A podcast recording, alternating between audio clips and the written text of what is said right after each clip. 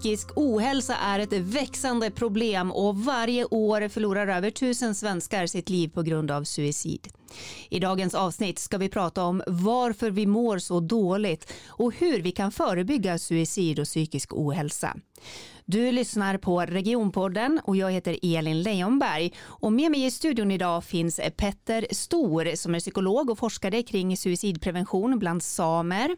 Och så har vi Per Daniel Liljegren med oss, regional samordnare för suicidprevention. Välkomna till Regionpodden. Tack. Tack så mycket. Eh, Sverige har en av världens högsta levnadsstandarder. Hur kommer det sig att vi ändå mår så dåligt? Ja, jag skulle väl vilja utmana den föreställningen direkt. Jag tror att de flesta av oss mår ganska bra. Men man kan ju tänka på den här Maslows behovstrappa som många känner till, alltså där man börjar med de helt elementära grejerna längre ner i den där trappan. Det är ju saker som finns i den här eh, föreställningen om levnadsstandard. Eh, men människor är så mycket mer än så och så komplexa och lever så komplexa och komplicerade liv. Så att eh, vi, vi, hittar sätt att må dåligt ändå, vissa av oss och i perioder i livet tror jag. Mm. Även om de flesta eh, faktiskt mår ganska bra. Skulle du säga att, att det finns någon koppling mellan levnadsstandard och eh, liksom hur vi mår rent psykiskt? Eller man kan inte göra de likhetstecknen? Jag tänker att det där är jättekomplicerat om man tänker internationellt, men i Sverige så vet vi ju att socioekonomi, alltså man har arbete, om man har utbildning, inkomst, sådana saker spelar stor roll. Mm. Så att eh, i den meningen så spelar ju levnadsstandard stor roll för, för hur vi har det. Mm.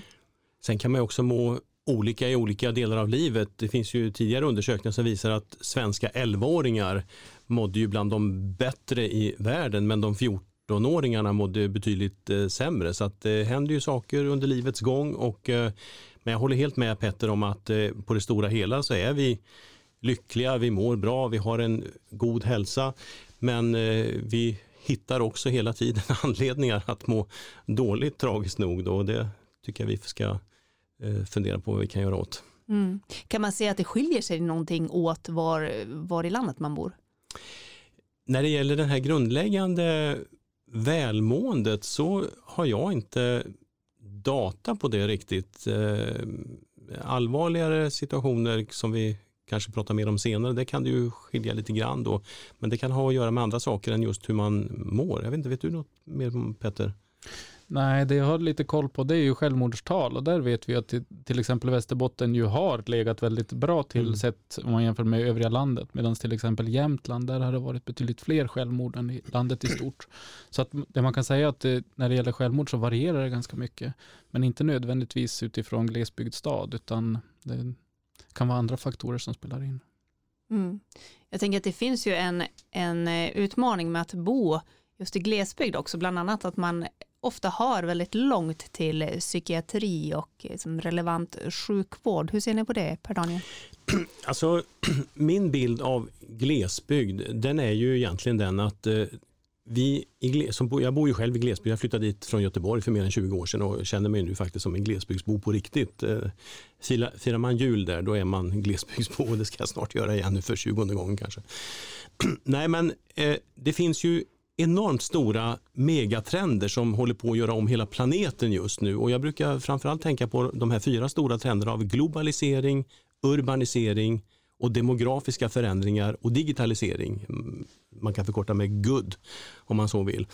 Och eh, i glesbygden så är ju eh, en del av världen då som får hantera att man inte är urbaniserad.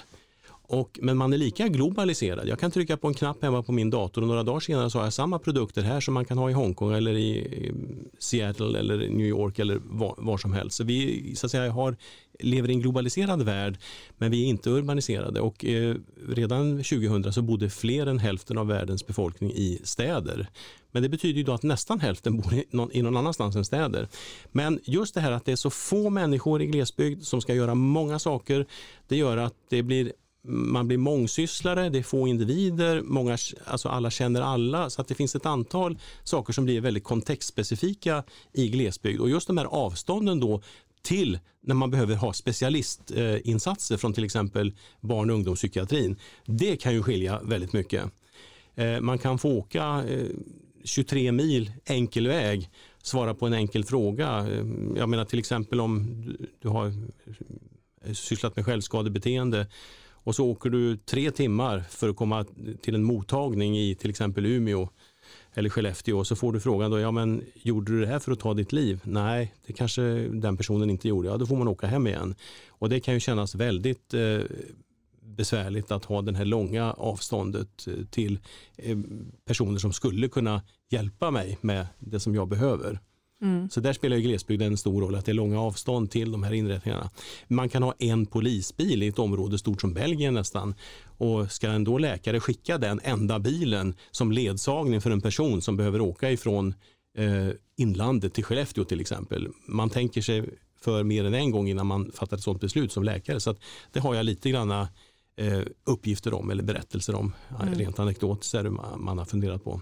Du jobbar ju som samordnare i Region Västerbotten. Pågår det något arbete med att eh, öka närvaron av eh, till exempel psykologer eh, i inlandet? Det finns ju flera olika initiativ och det som kanske är min bild just nu det är att det kan vara lite spretigt och lite splittrat för det finns många olika, alltså det finns många viljor man vill göra det här och det finns projekt på olika nivåer mellan olika aktörer. Eh, det finns ett ganska nystartat eh, projekt där man då vill titta på barn och unga särskilt utifrån den här eh, reformen God och nära vård. Vad är nära vård i glesbygd? Hur kan den bli god där och hur kan den bli det för barn och unga? Och då har man ett, påbörjat ett nytt, ja, en sorts samtalsgrupp där man tittar hur kan vi förbättra det här? Och det handlar ju om hur man då eh, riggar för rutiner och samverkan eh, och så vidare. Eh, sen har vi ju sedan lång tid tillbaka i Västerbottens län haft ett antal olika nätverk för socialchefer, ett nätverk för skolchefer, en annan. Presidierna möts flera gånger per år. Så det finns ju flera olika forum där de här frågorna diskuteras. Och eh, så måste man hitta samverkan då med, mellan kommuner och region. Och det är ju lite grann det som är mitt specialuppdrag, att få den samordningen att fungera. Just framförallt när det gäller suicidprevention. Mm. Och just eh, suicid och suicidprevention är det som vi kommer att eh, fokusera på idag i den här podden. Eh, och jag vet Petter, du, man pratar ju ofta om psykisk ohälsa eh, och suicid, eh, lite i samma mening så. Eh, och du vänder dig mot det här. Berätta hur du tänker. Ja, alltså jag vänder mig lite grann mot det, det är sant. Men egentligen så skulle jag vilja säga att det är klart att psykisk hälsa spelar en stor roll när det kommer till ifall människor tar sitt liv eller inte. Men det är väldigt många andra saker som också spelar en stor roll. Ofta överlappar det, men inte alltid. Och det finns så, vi människor är så komplicerade så att det finns alltid många olika perspektiv som allihop är, är lika relevanta. Och det är ju sällan en sak som är, som är problemet. Eh, och så måste man ju också tänka om man ska kunna hjälpa någon så måste det vara individorienterat. Och det är så många olika saker som kan göra att vi börjar må dåligt. Och ska vi så att säga börja må bättre så måste vi gräva lite djupare. Varför är någon ledsen? Varför fungerar inte livet och så vidare? Och det, svaret där är ju olika. Så att eh, psykisk ohälsa spelar ju roll. Men det, det, är så mycket annat också. Vi, vi får inte fastna i att det ska vara likhetstecken mellan, mellan självmord och psykisk ohälsa. Mm. Får jag haka på dig där Petter? För att jag tänker precis på det du säger, att det är så många olika saker. Det kom ju en eh, ganska stor svensk studie för något år sedan är det nu kanske, eh, som har tittat på register och eh, sett att det finns en fyra gånger så hög risk för suicid eh, om man har ADHD när man är vuxen. Men när man då undersöker varför så beror det inte på ADHD i sig utan det beror på ekonomisk stress. Därför att de personerna som går in i vuxenlivet de går in ganska jämförbara med andra vuxna personer. Men den här funktionsvariationen att eh, ha begränsad impulskontroll och kanske lägre arbetsminne och så vidare. Det ställer till problem sen som gör att man kan inte hantera sin ekonomi och då får man ekonomiska problem. Och den ekonomiska stressen gör att man får en förhöjd suicidrisk. Det är förklaringen eh, som de författarna beskriver där. Så att det visar just att det är komplext samspel och eh, en psykisk eh, variation eller nedsättning eller funktionsnedsättning eh, behöver ju inte åtföljas av suicid, absolut inte. Utan man får ju hitta rätt insats på rätt nivå för rätt person vid rätt tillfälle. Mm. Eh, vilka grupper är det som man kan se är överrepresenterade för suicid eller suicidförsök? I Sverige i stort så den grupp som har störst risk det är ju män för det första. Det är ju en stor skillnad mellan män och kvinnor. Eh, två, tre gånger vanligare med självmord bland män än kvinnor och så ser det ut över hela världen nästan. Eh, och det är en särskilt hög risk bland äldre män. Så det skulle jag säga är den, är den tydligaste riskfaktorn, att vara man och att vara en äldre man där. Vad är det som gör att det blir en riskfaktor då? Ja, det är ju en bra fråga. Det man kan säga är väl, det är nog samma sak där som med psykisk ohälsa. Man kommer behöva gräva ganska mycket djupare.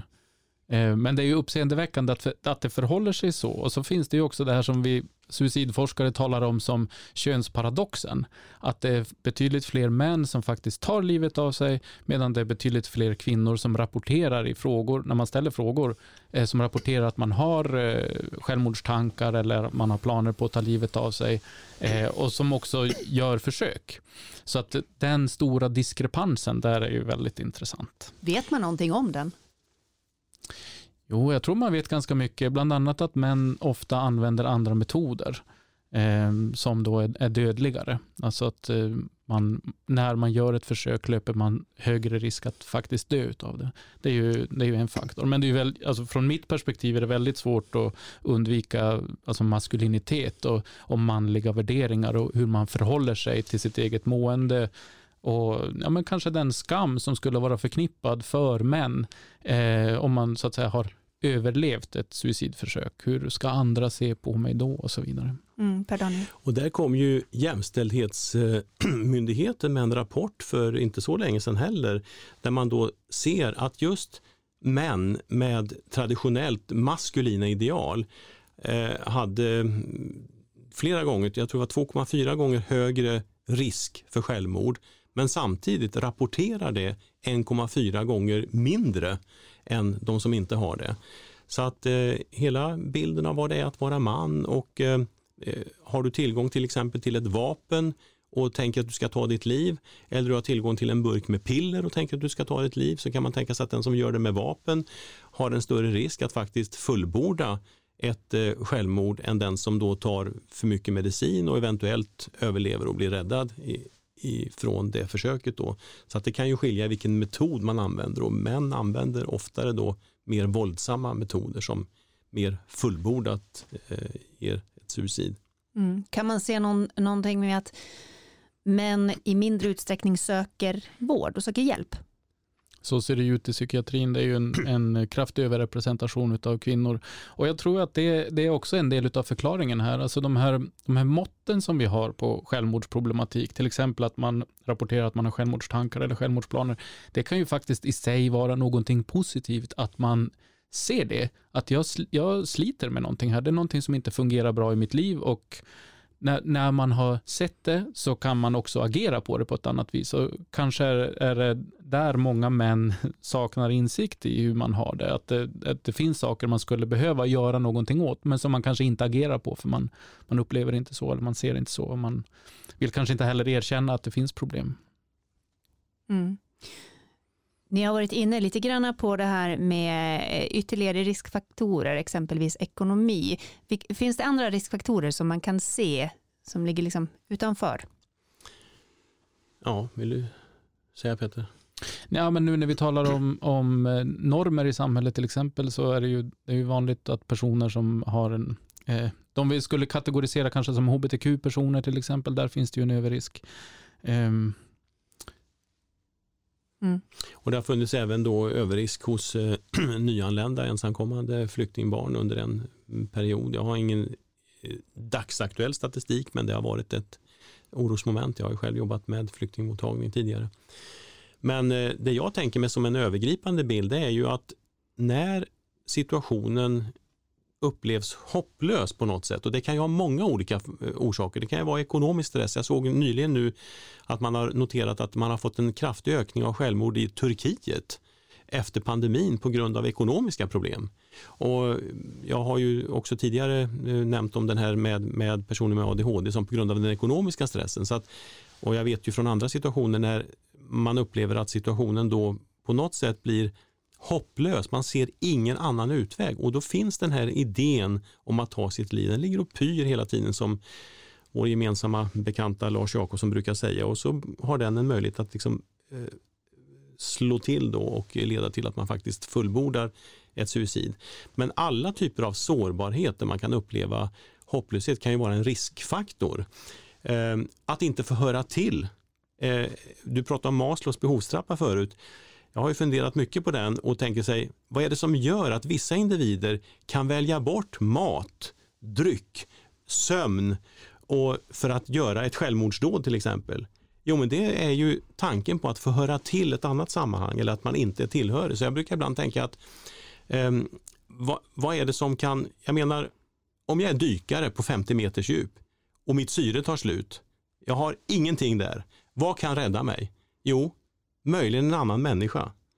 Så att den här instinkten som vi människor har, att vilja höra ihop med andra, det har ju ett stort överlevnadsvärde, har haft för oss och eh, när man då utvecklas från barn till vuxen via tonåren så genomgår man i den fasen att man socialiserar sig mer med jämnåriga, kanske med sina föräldrar. Och den här grundläggande känslan av att höra till ett sammanhang, det är ju en sak som har ett stort överlevnadsvärde. Så vi är ju inställda på det som människor, att höra till ett sammanhang. Och det ger oss skydd och trygghet. Och motsatsen, om man inte får höra till, man blir utsatt i sociala medier, mobbad till exempel, eller man har tillfälligt ekonomiska svårigheter som man inte kan ta sig ur.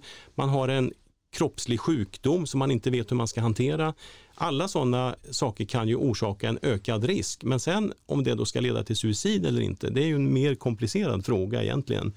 Men eh, man får naturligtvis titta på de här riskfaktorerna och se hur kan, man, hur kan vi hjälpa varandra som samhälle och som människor för att eh, minimera de risker som kan finnas. Mm. Men hur vet man då att någon befinner sig där, att någon riskerar att ta sitt liv? Sanningen att säga så, så tror jag faktiskt inte att vi vet det. Eh, det finns ju det finns ganska mycket studier där man har försökt att identifiera personer som är i riskzonen och det är klart att eh, med, no, med människor som mår dåligt på något sätt, man har identifierat att det är en person som lider eller som befinner sig i en livskris som du var inne på Per Daniel, alltså till exempel ett relationsuppbrott eller någonting sådant. Det är ju, det är ju saker man ska vara vaksam på. Men men sanningen att säga så är vi ganska dåliga på att identifiera de människor som, som finns i riskzonen. Det bästa, den bästa så att säga, prediktorn eller den bästa förutsägbarheten det är att människor som tidigare har gjort försök eller som har uttryckt att, som, alltså att man har sagt att jo, men jag funderar på det. Eh, där är en, det är en risk och den ska vi ta på stort allvar. Hur ska man göra då om man upptäcker att någon i ens omgivning eh, mår dåligt och kanske även berättar att man har självmordstankar? Vad ska man göra?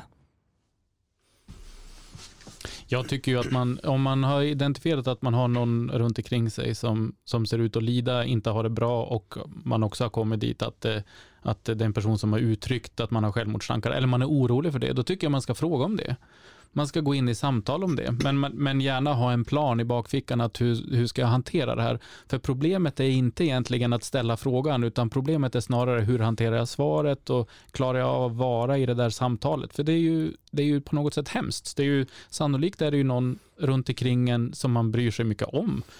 Um, och det är i sig smärtsamt. Det är, inte, det är inte ett lätt samtal att ha, så man kanske ska ha tänkt över det lite grann innan. Och sen så ska man också vara medveten om att det här är ju inte någonting man måste bära själv. Alltså man vill försöka aktivera så många resurser runt den här människan som möjligt. Det kan ju vara att söka hjälp, att uppmuntra den personen att söka hjälp, att följa med den ifall det kan vara aktuellt. Men det kan ju också vara att försöka få den att öppna upp för andra kanske i familjen, vänner, bekanta. Vi har ofta mycket resurser kring oss och det, det är de vi vill få med på tåget på något vis. För då skapar vi bättre förutsättningar för den personen att hantera vad det nu än är. Om det är ekonomiska problem eller om det är relationsproblem eller vad det kan vara. Att hantera det på ett, på ett bra och konstruktivt sätt. Mm. Jag tänker att, att det dels är ju svårt att fråga kanske. Eh, men även det du var inne på, att vad gör man med svaret? Att det kan finnas en rädsla för att man ska förvärra saken. Tänk om jag säger fel sak? Ja, nej, det ska man absolut inte vara rädd för. Eh, det är snarare det där att, att liksom våga stanna kvar i samtalet. Det, jag tror att det är där skon klämmer. Och så mm. kanske man säger att det är svårt att våga fråga, men det är inte egentligen svårt att fråga, utan det är svårt att stå kvar och höra de här sakerna. Och som sagt, om, särskilt om det är någon man bryr sig om. Det kan ju vara sårande. Det är, det är tufft och det är tungt, kan det vara. Men det är inte på något sätt farligt att ha de samtalen. Det kan, skulle jag säga, bara vara till hjälp. Mm. Ja, men det är egentligen lätt att fråga, hur mår du? Men vad gör jag om personen kommer med en hel livsberättelse om att allting är bara skit och man vet inte hur man ska eh, överleva till nästa dag. Men det jag tänker på som Petter säger är att det finns ju också flera faktiskt program som är kortare eller längre där man då får öva på de här sakerna och öva sig att stanna kvar. Vad, hur tänk, vad säger jag om personen svarar så här? Jag var själv med i ett program ehm, eh, som deltagare faktiskt och fick inblick i ett program som heter Stör döden och det var särskilt riktat till lärare.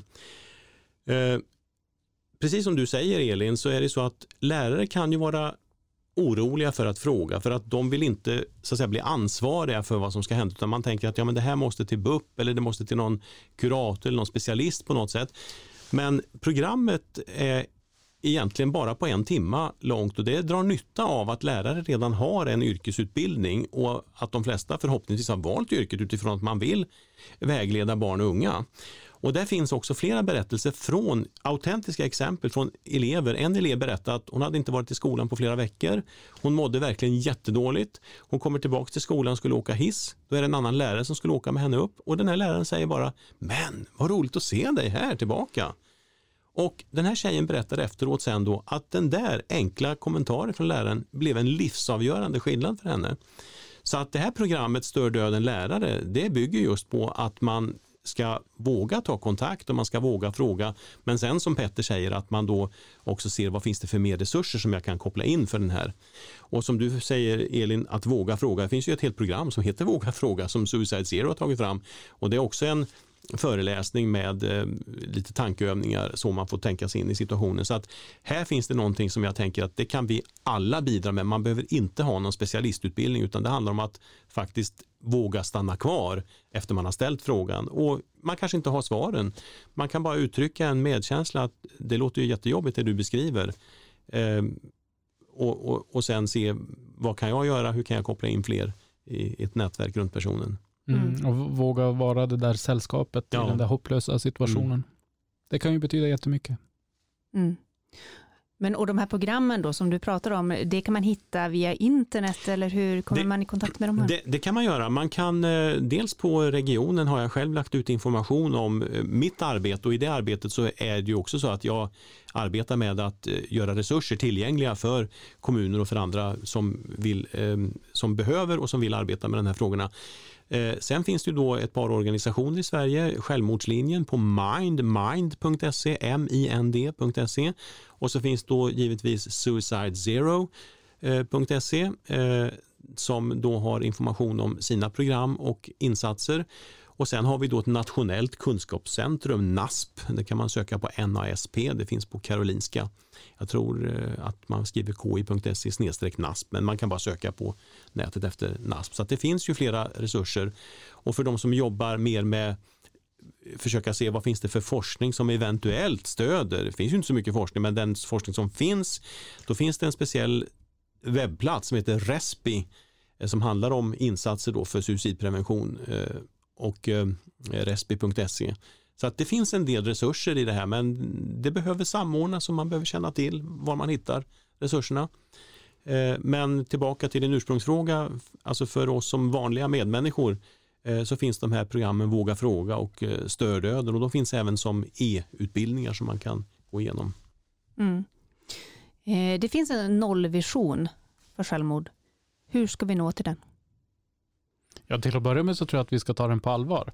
Det är nog, eh, Riksrevisionen kom ju med en rapport bara för någon vecka sedan som poängterade det att vårt nationella nollvisionsmål försöker vi inte uppnå i den grad som man kanske hade förväntat sig. Vi lägger ju mycket mindre aktiva resurser och aktivt arbete på den än om man jämför med till exempel eh, nollvisionen i trafiken, noll döda i trafiken, där vi har ett mycket mer strukturerat och långsiktigt arbete.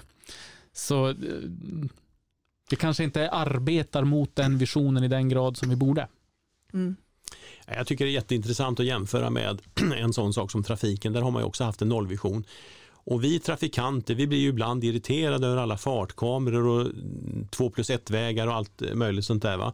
Men jag är ganska imponerad ändå av Trafikverket som som myndighet har det här uppdraget att ja, men det är nollvision. Vad finns det för forskning som stöder att färre människor dör i trafiken och så gör man åtgärder oavsett om jag som bilist tycker de är bra eh, eller inte. Utan, och, och jag känner en trygghet i att det är eh, beforskade saker man sätter in och så ser jag ju då år för år hur antalet döda i trafiken går ner och tänker att ja, men det var väl bra det de gjorde då. Och någon sån satsning för suicid tycker jag vore rimligt med tanke på att man har en nollvision även där. Ta till exempel den här eh, svåra bussolyckan i Sveg eh, för några år sedan. En buss körde av vägen och eh, tre ungdomar dog.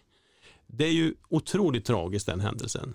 Det startade en enorm utredning. Det tog två år innan man var klar över att ja, men chauffören var trots allt inte skyldig. Han, han blev frikänd i olyckan. Och man har gjort insatser och åtgärder och tittat på det här. Och tre ungdomar dog. Då får man ju tänka på att ja, men lika många dör varje dag i vårt land på grund av suicid. Eller ta terrordådet på Drottninggatan där fyra människor avled och sen ytterligare en. Det är också ungefär jämförbart med vad som varje dag människor förlorar sina liv på grund av suicid.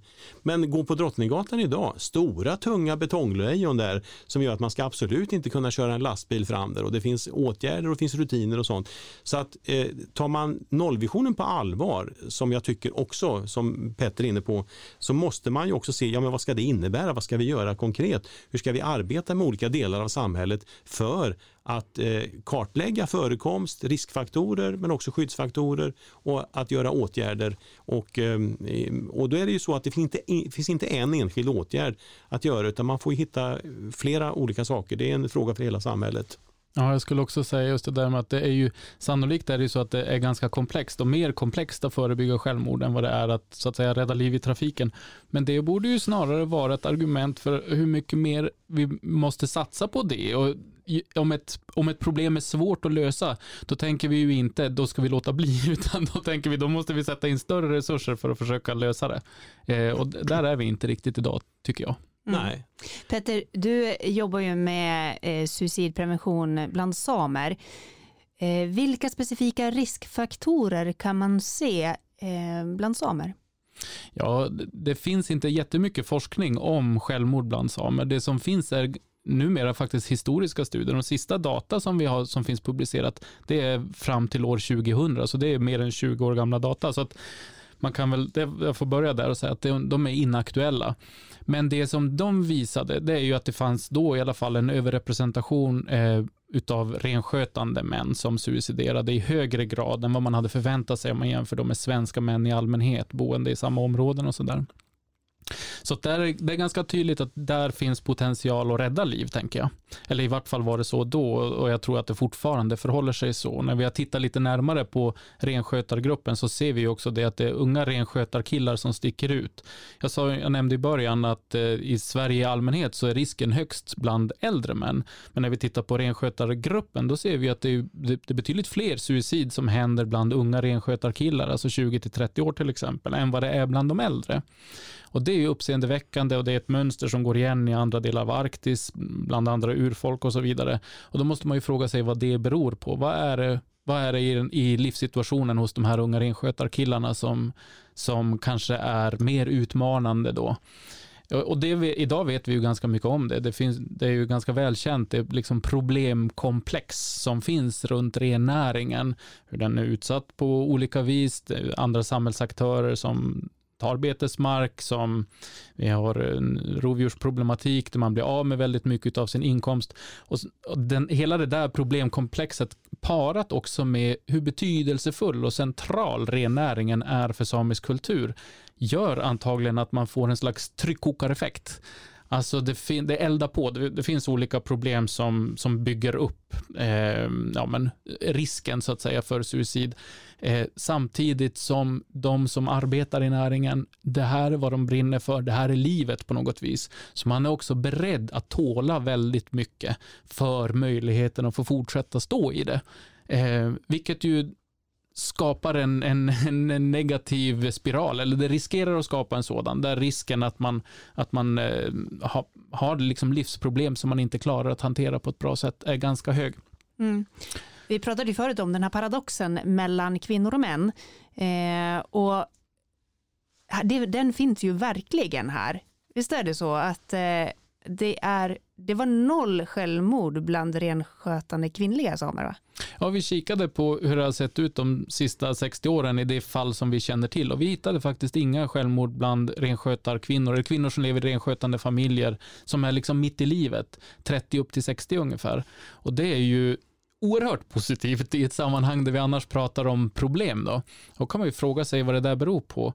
Eh, vi tror ju till exempel inte att det beror på att man inte har problem. Därför att det är samtidigt en grupp som antagligen har, som har ganska stora psykiska belastningar.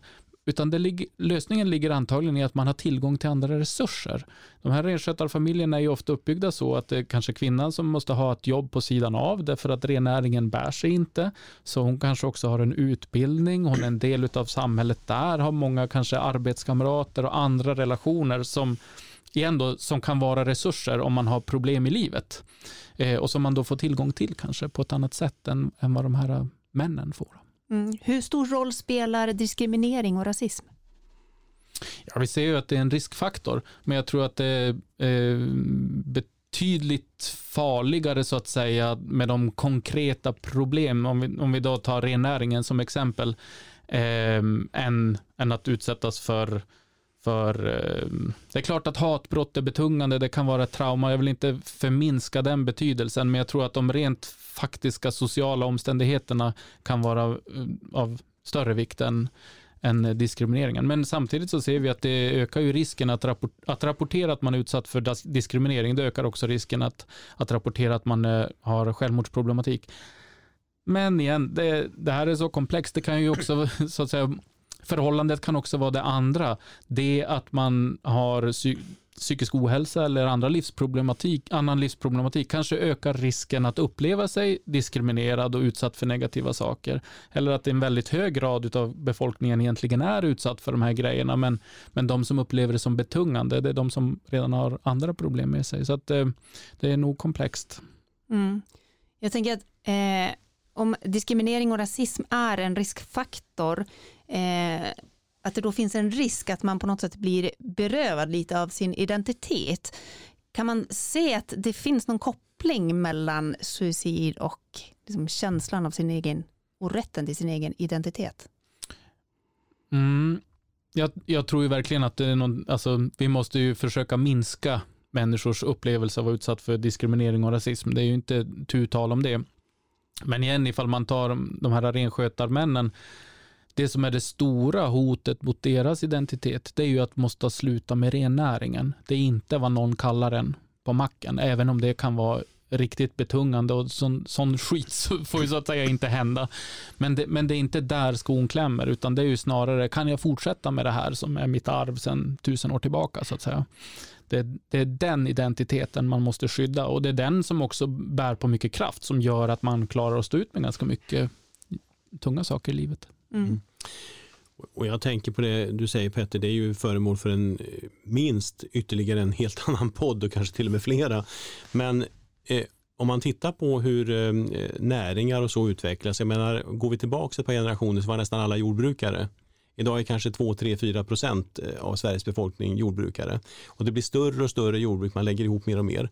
Eh, industrin kan eh, ha på ett par hundra år eh, os, åstadkommit tio, hundrafalt, tusenfalt ökt, alltså produktionsökningar. Men om du har ett fixt antal renar, du får inte ha fler.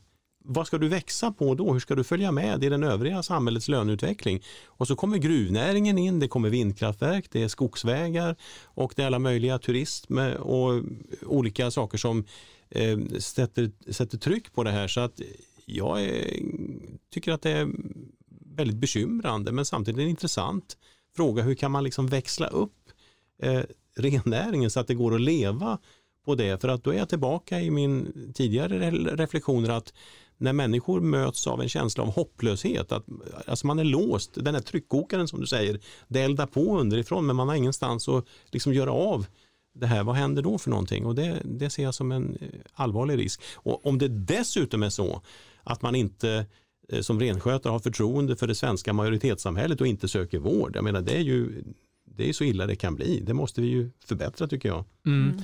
Ja, en, får jag bara skjuta in, en sak som, som kan vara viktig att säga, det är att det här är ju ingen naturlag att det ska vara på det här viset. Alltså, till exempel från Nej. norska sidan av Sápmi så ser vi inte den där överrepresentationen bland renskötarna.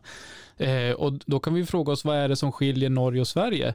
En stor sak som skiljer är att mm. det samiska samhället på norska sidan är mycket starkare. Det kanske är så att det finns andra utkomster, det finns andra sätt att försörja sig på och ändå behålla den samiska identiteten. Det finns institutioner att arbeta för. Man, man, man är inte liksom lika beroende av att klara sig kvar i rennäringen, för det finns ett annat samiskt sammanhang runt omkring som är starkare. Så sannolikt är det ju så då mm. att om man klarar att stärka det, då ökar man också chansen att folk kan göra den där förändringen i livet mm. utan att den behöver bli så, så fruktansvärt eh, tung att bära. Mm. Hur viktigt är det att man blir bemött av någon inom sjukvården eller psykiatrin som har samma bakgrund och referenser som en själv eller pratar samma språk? För en del är det nog ganska viktigt. Pratar vi om samer så, så skulle jag säga att det finns också många som, där det kan så att säga vara en fördel att det är någon som är helt utan, utan förstående. Det är ingen som så att säga ingår i ens eget nätverk. Eh, så det tycker jag man kan vara tydlig med. Men så länge det är så att samer inte kan välja att eh, gå till någon som man vet delar referensramar med en eller delar språk, språket med en, då har man ju inte tillgång till det där valet. Och jag tror man ska ha respekt för hur viktigt det kan vara. Alltså man tar en parallell så har det ju diskuterats de sista åren en del kring eh, svensk språkkompetens i äldreomsorgen. Alltså människor som lever i institutioner och är beroende av att kunna kommunicera. Och det är inte helt olikt ändå psykiatrin. Jag har den största respekt för att man måste kunna kommunicera där. Eh, men för många samer så är man ju så att säga hela tiden i den där situationen som de är utsatta då som inte kan tala sitt modersmål, svenska i det fallet. Men varför, varför, varför accepterar vi att det är så här är det hela tiden för samer? Eh, det är ju orimligt. Så att, eh, att att dela språk och dela kulturella referensramar, för många kan det vara viktigt och möjligheten till det måste ju finnas.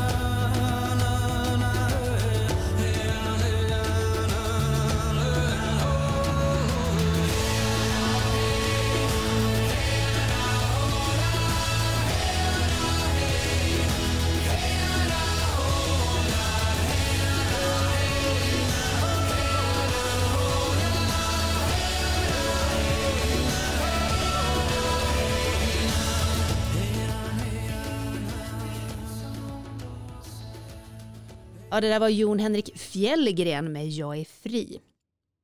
Jag tänker, vi hade en situation i Storuman för några år sedan där sex personer förlorade livet på grund av suicid på bara två år. Många av dem var unga. Vad var det som hände i Storuman egentligen, Per Daniel?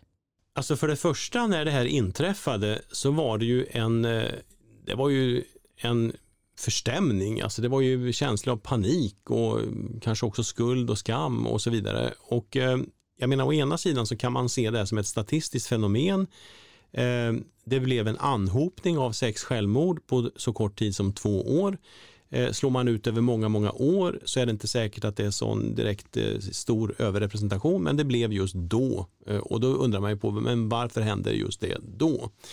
Så att lärdomarna från Storuman, det var ju faktiskt att eh, en sån här händelse eh, att man kunde göra någonting åt den. Det är ju det som jag tycker är det hoppfulla i sammanhanget, att man då startade ett ganska systematiskt arbete, försöka förstå eh, hur kan vi arbeta med den här frågan.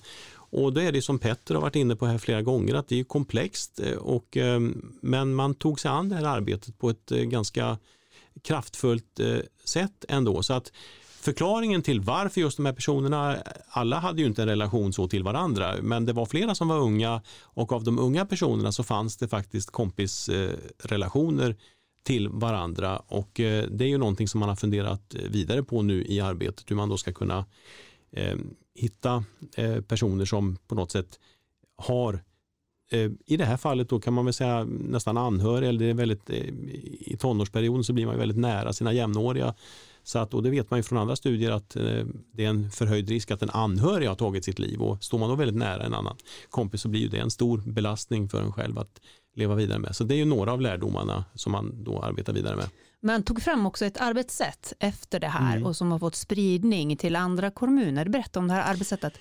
Ja, det var ju då eh, faktiskt min fru som ju är forskare och fick uppdraget om hon kunde leda en sektorsövergripande eller tvärsektoriell grupp. Därför att eh, de här som hade tagit sina liv, det var ju liksom olika personer i olika åldrar och det är som vi har varit inne på tidigare en förhöjd risk för män. Men i just det här fallet så var det unga personer, flera stycken och det var faktiskt tjejer och eh, det fanns även killar. Så att det var ju liksom en mångfald av det här. Och eh, eftersom min fru då är forskare, inte egentligen primärt inom suicidprevention men har ju arbetat med hälsofrågor och, och så vidare så gick ju hon till forskningen och tänker på vad finns det i, i forskningen och eh, jag arbetade själv då med skolutveckling och få skolutveckling på vetenskaplig grund. Så att jag hade eh, faktiskt stött på många av de här eh, problemen och min tanke var ju den att ja, men om man då vet att ungdomar, skolungdomar tar sina liv, då måste man ju arbeta med den frågan. Och jag hade så att säga, kartlagt och så vad det fanns för olika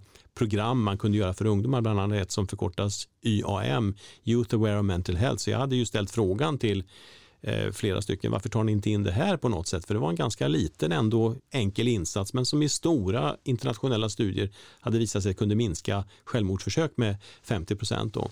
Så att det där var lite inspel till det och min fru och jag pratade mycket om de här frågorna under den tiden som hon ledde det här arbetet, ungefär ett år och det var en, bildades en tvärsektoriell grupp då, som träffades en gång per månad ungefär. Och eh, eh en vetenskaplig artikel som spelade väldigt stor roll. Där hade man gjort en tioårig uppföljning och sett vad har effekter för att kunna minska antalet självmord. Och Det som var väldigt tydligt i den artikeln det är den här komplexiteten i frågan. Det finns inte en sak man kan göra. Man kan inte ge alla ett piller och sen så sker inga mer självmord. Eller man kan inte säga som säger men bara vi har en bättre elevhälsa så blir det inga självmord. Därför att alla har inte varit i kontakt med den och så vidare. Men eh, när jag satte mig och läste den där vi diskuterade hemma så tänkte jag att och det var nästan som en upplevelse eller som ett mirakel. Ja men titta här, man, om man gör insatser inom fyra olika områden då är det mer troligt att det lyckas än om man inte gör det. Och de fyra områdena, när jag översätter dem till svenska, så kan man säga att det handlar om att bemöta, behandla, bygga och begränsa. Och bemötande har vi varit inne här på flera gånger. Behandla är ju eh, inte min profession, men det är liksom den kliniska, hur man behandlar. Och att eh, bygga handlar om att man bygger rutiner och vårdkedjor. Det får inte vara så att en ung tjej som är 17 år att BUP säger så här att eh, ja, men nu gör vi inget mer åt eh, henne för hon kommer snart in i vuxenpsykiatrin. Det kan hända otroligt mycket på bara dagar, timmar alltså för en ung tjej som då har behov av att bli. Så man måste bygga ihop elevhälsa, BUP, skola, socialtjänst, alla de här samverkansarenorna så att ingen faller mellan stolarna. Bygga ett finare nät helt enkelt runt människor.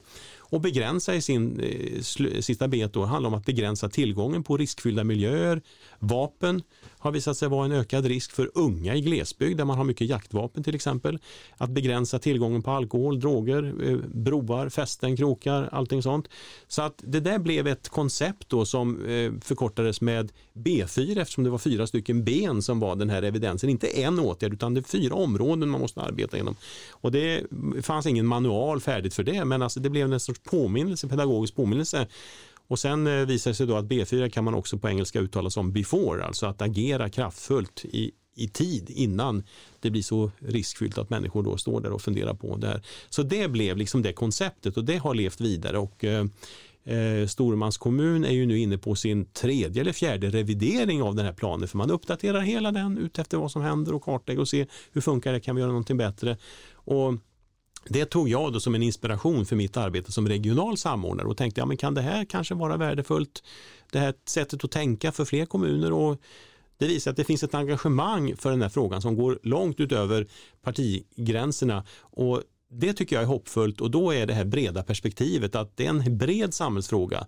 Fyra områden, bemöta, behandla, bygga, begränsa. Det är det som var det här konceptet och det är det som vi man ibland kallar för B4-modellen. Jag vill också bara skjuta till, jag tror också en del i det här, i vad ska jag säga, genialiteten i det här before är just det breda samhällsperspektivet och hur många delar av samhället som måste bli engagerade. Om vi har det här konceptet och säger det är det här vi kör på, då är det väldigt många olika aktörer i samhället som måste in och arbeta med det och då, då blir det också en fråga som vi alla på något sätt äger som samhälle och i olika sektorer i samhället där det inte bara är en fråga, det är inte till exempel bara psykiatrins uppgift utan det, det, är mycket bredare. Och det är det också som, som du var inne på Per Daniel, det är det som har evidens.